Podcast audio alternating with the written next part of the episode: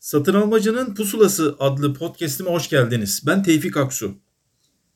Yaklaşık 35 senedir farklı sektörlerden işletmelerde yerel ve küresel ölçekte tedarik, satın alma e, ve ihracat bölümlerinde yöneticilikler yaptım.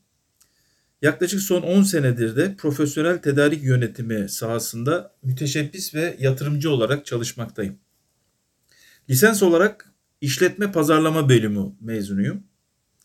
Halen MBA işletme programına devam ediyorum. İngilizce ve Almanca konuşabiliyorum. Az da olsa Rusça ve Çince anlayabiliyorum.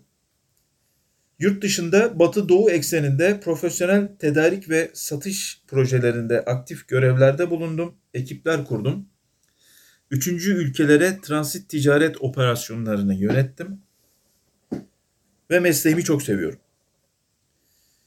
Ee, değişen, evrilen günümüz iş dünyasında kendi sahamda meydana gelen küresel teknolojik gelişmeleri, yenilikleri, farklılaşan stratejik yöntem ve yönetim yaklaşımlarını, ilgili akademik çalışmaları dikkatle takip ediyorum. Yaşamımın bu döneminde bu sahada edindiğim tecrübelerimi e, fazla teori ve kuramlara girmeden, sizleri sıkmadan e, siz genç arkadaşlarımla, meslektaşlarımla paylaşmayı amaçlıyorum. Bu paylaşımlarımın e, meslek seçimi arifesinde olan genç arkadaşlarıma ve genç meslektaşlarıma fikir vereceğini umuyorum.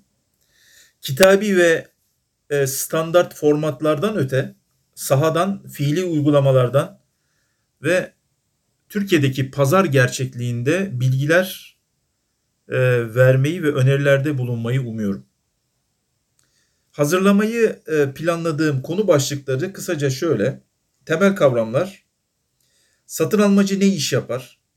İyi bir satın almacı nasıl olur? Satın almada iletişim tüyoları ve önerileri. Türkiye'de satın alma ve satın almacıların durumu nedir?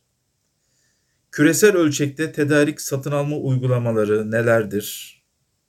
Covid sonrası küresel tedarik satın alma yaklaşımları ve trendleri tedarik, tedarikçi yönetimi e, konularında bireysel e, tecrübelerimi paylaşacağım vaka metodları.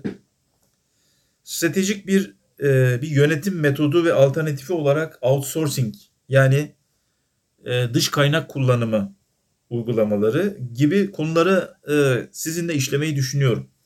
Her bir bölümü mümkün olduğunca net ve kısa tutmayı e, planlıyorum detaylara fazla girmeden fakat e, taraflar arası iletişimde size empati oluşturmanıza katkı sağlayabilecek önemli ipuçları vermeye çalışacağım. Gelecek bölümlerde görüşmek umuduyla sağlıkla ve hoşça kalın.